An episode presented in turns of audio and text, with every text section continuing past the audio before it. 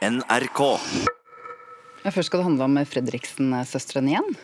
Altså, Skipsrederfamilien Fredriksen og Nasjonalmuseet har inngått en um, avtale om å få låne og vise og forvalte familiens samling av moderne kunst, organisert i et selskap som heter Fredriksen Family Art Company.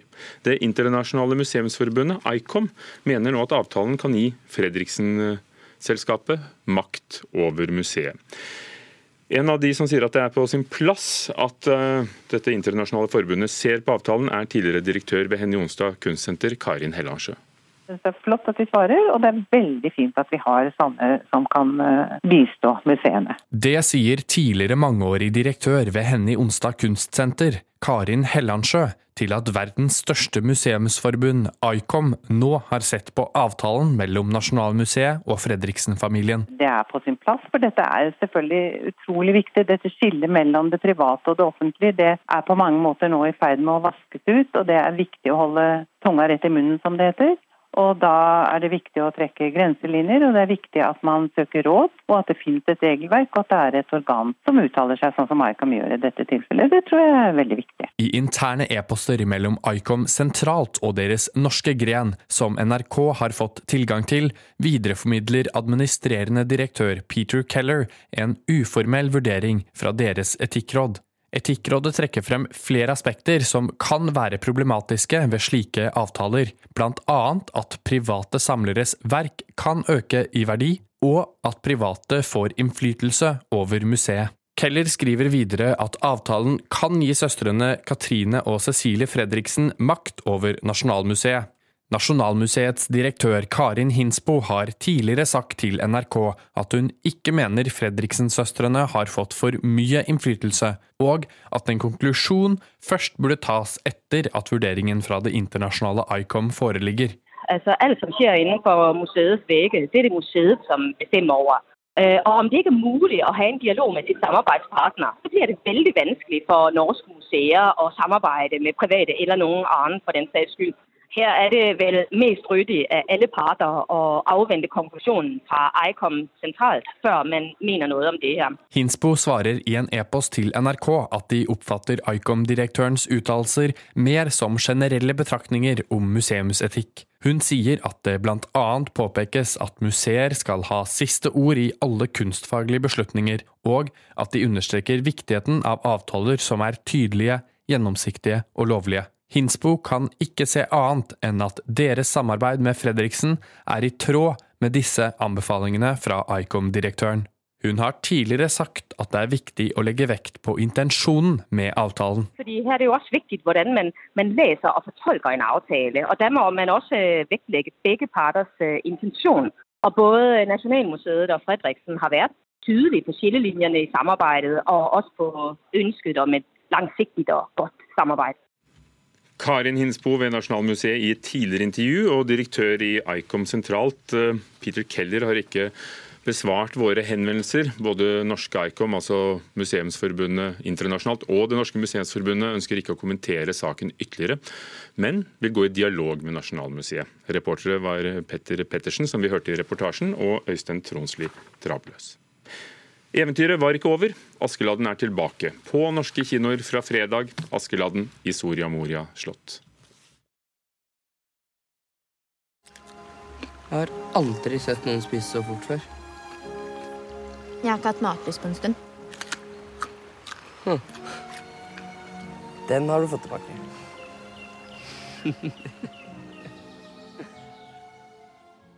Eili Harbo som prinsesse Kristin og, og Vebjørn Enger som Askeladden, Espen Askeladd. Mikkel Brenne Sandemose, regissør, god morgen.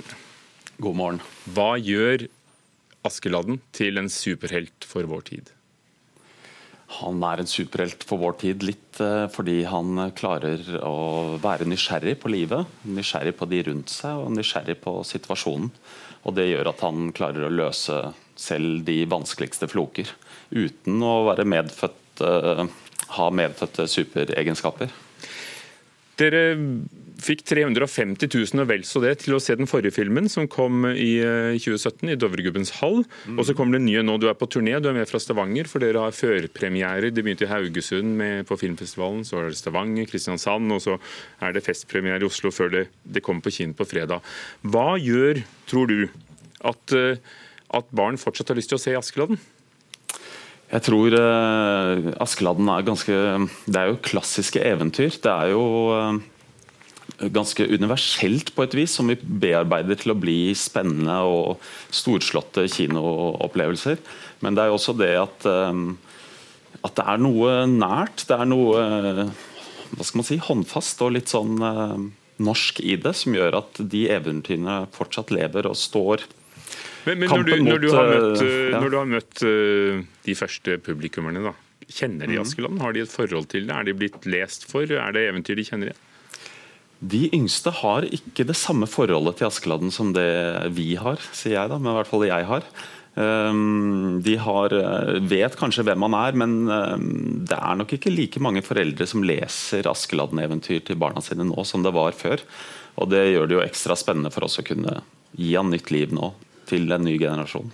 Men kjenner du på ansvaret? Fordi dere har jo tatt dere mange friheter, eh, både manusforfatterne og, eh, og, og, deg. For her møter vi jo mange eventyr i en salig blanding. Altså Det er eh, Sjumilsstøvler og Fossegrimmen og Draugen og Sjuende far i huset, og alt er på en måte lever sammen i én stor fortelling.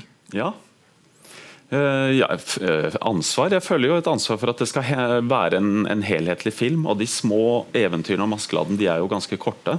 Og han er veldig lite beskrevet i de eventyrene. så som et folkeeventyr så er dette vår versjon av folkeeventyret. Vi tar han videre og skaper vårt univers basert på Asbjørnsen og Moe. Og plukker ingredienser fra flere eventyr inn i vår fortelling om Espen Askeladd. Det som kanskje er uvanlig da, for dem av oss som husker eh, Ivo Caprino-animasjonene fra, fra 70-tallet, er at det, det, er mye mer moderne. De, Espen og Kristin og, og, og, de andre snakker jo nesten som vanlige mennesker. Hvilke tanker gjør du deg om å Selv om det er et, et magisk eventyrlandskap, eh, få det til å virke virkelig? Det har jo vært viktig for at prinsesse Kristin ikke er en statisk karakter som sitter innelåst døgnet rundt og venter på å bli befridd, f.eks. At hun er en eh, aktiv eh, deltaker i historien. Eh, samtidig så er det jo Ja, det er jo å skape et univers som man er med på og tror på. Og, og selvfølgelig at mine nydelige skuespillere er med på det når vi er i innspilling og og bidrar på den måten de ønsker. Eh, og Da tror jeg også språket er lurt, at de snakker sånn som de vanligvis gjør. Så ikke det oppleves som gammeldags. Eh, og Det blir jo ganske fort ulidelig spennende. Det er, eh, hva er det som egentlig som skiller dette fra en vanlig spenningsfilm, sånn innholdsmessig? For, for det er på en måte de samme cliffhangerne og Altså det, jeg, jeg, mener jo at et familieeventyr skal ha spenning. Det skal være opplevelser av nye steder, det skal være dramatikk og humor. Samtidig så skal det være noe personlig, eh, noe Espen skal lære å oppleve. Um, og så skal det være et familietematikk i bunnen som er på den lille moralen du skal Om ikke nødvendigvis lære umiddelbart, så skal du i hvert fall kjenne litt på det. Men det at Askeladden er så snill og god og fin og, og fager, gjør ikke det det litt kjedelig også? Eller har han, har han noen skyggesider? Har du gitt ham noen skyggesider? Jeg opplever at han har skyggesider som ikke nødvendigvis blir uttalt, men han, eh, han, er jo en unnaslunterer. Han er jo en som ikke nødvendigvis gjør det han blir bedt om å gjøre. Han er en som eh, ikke akkurat følger eh, de ordre han får. Han bryter litt med med hva de andre opplever er normen. Og det er jo er kanskje ikke en skyggeside, det er jo et, et lite heltegen. Men uh, han gjør ting som andre opplever er irriterende, ja. Det gjør han. Det er jo lovet en trilogi. Hva blir neste? Ja, det er eh, Alexander Brown som har skrevet manus. Han har skrevet tre filmer som skal lage hva skal man si, vår versjon av Espen Askeladd. Det klippet som dere så, var jo fra den første filmen.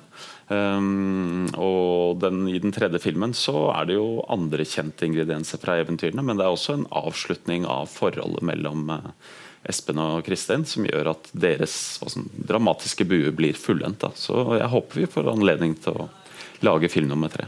Og at kanskje noen plukker opp Asbjørnsen og Moe og, og forteller noe hjemme? Det håper jeg også. Absolutt.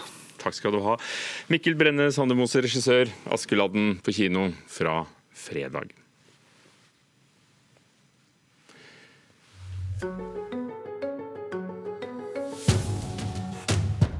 Oslo Filharmoniske Orkester planlegger et nytt konserthus. Det har de ønsket seg i flere tiår.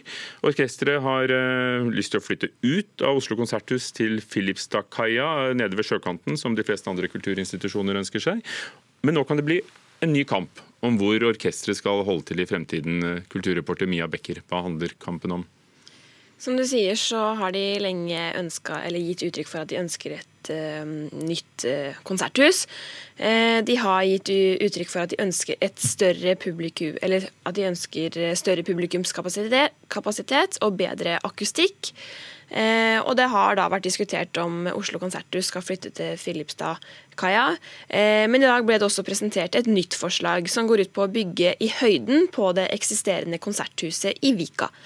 Eh, og ved å bygge på en ny etasje på toppen av dagens konserthus, så vil eh, Konserthuset få en flunkende ny konsertsal med plass til over 2000 tilskuere. Og det er da 700 flere enn hva dagens sal rommer.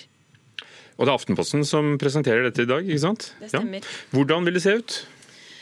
Ideen kan på mange måter sammenlignes med det verdenskjente operahuset i Hamburg, eh, som er bygd på toppen av et gammelt lagerhus. Elfilharmonien. Eh, stemmer. Ja. Eh, man kan da gjerne se for seg et stort glasshus på toppen av et annet ganske høyt bygg. Eh, og et slikt påbygg vil kunne gjøre at eh, konserthuset blir svært synlig fra hele byen. For Dette er jo et område i byen, en gang Oslos Red Light District. Nå legges alle, alle, alle kontorbyggene for to-tre etasjer eh, påbygd for tiden. Eh, hva skjer nå? Hvordan blir dette forslaget lagt frem? Arkitekt Geir Dyrvik har allerede presentert skissene for bl.a. byrådsleder Raimond Johansen, byrådsavdelingen for næring og eierskap, plan- og bygningsetaten og de omkringliggende naboaktørene. Og så blir det spennende å se hva orkesteret selv sier. Vi prøvde å få tak i dem i dag tidlig uten uten å lykkes.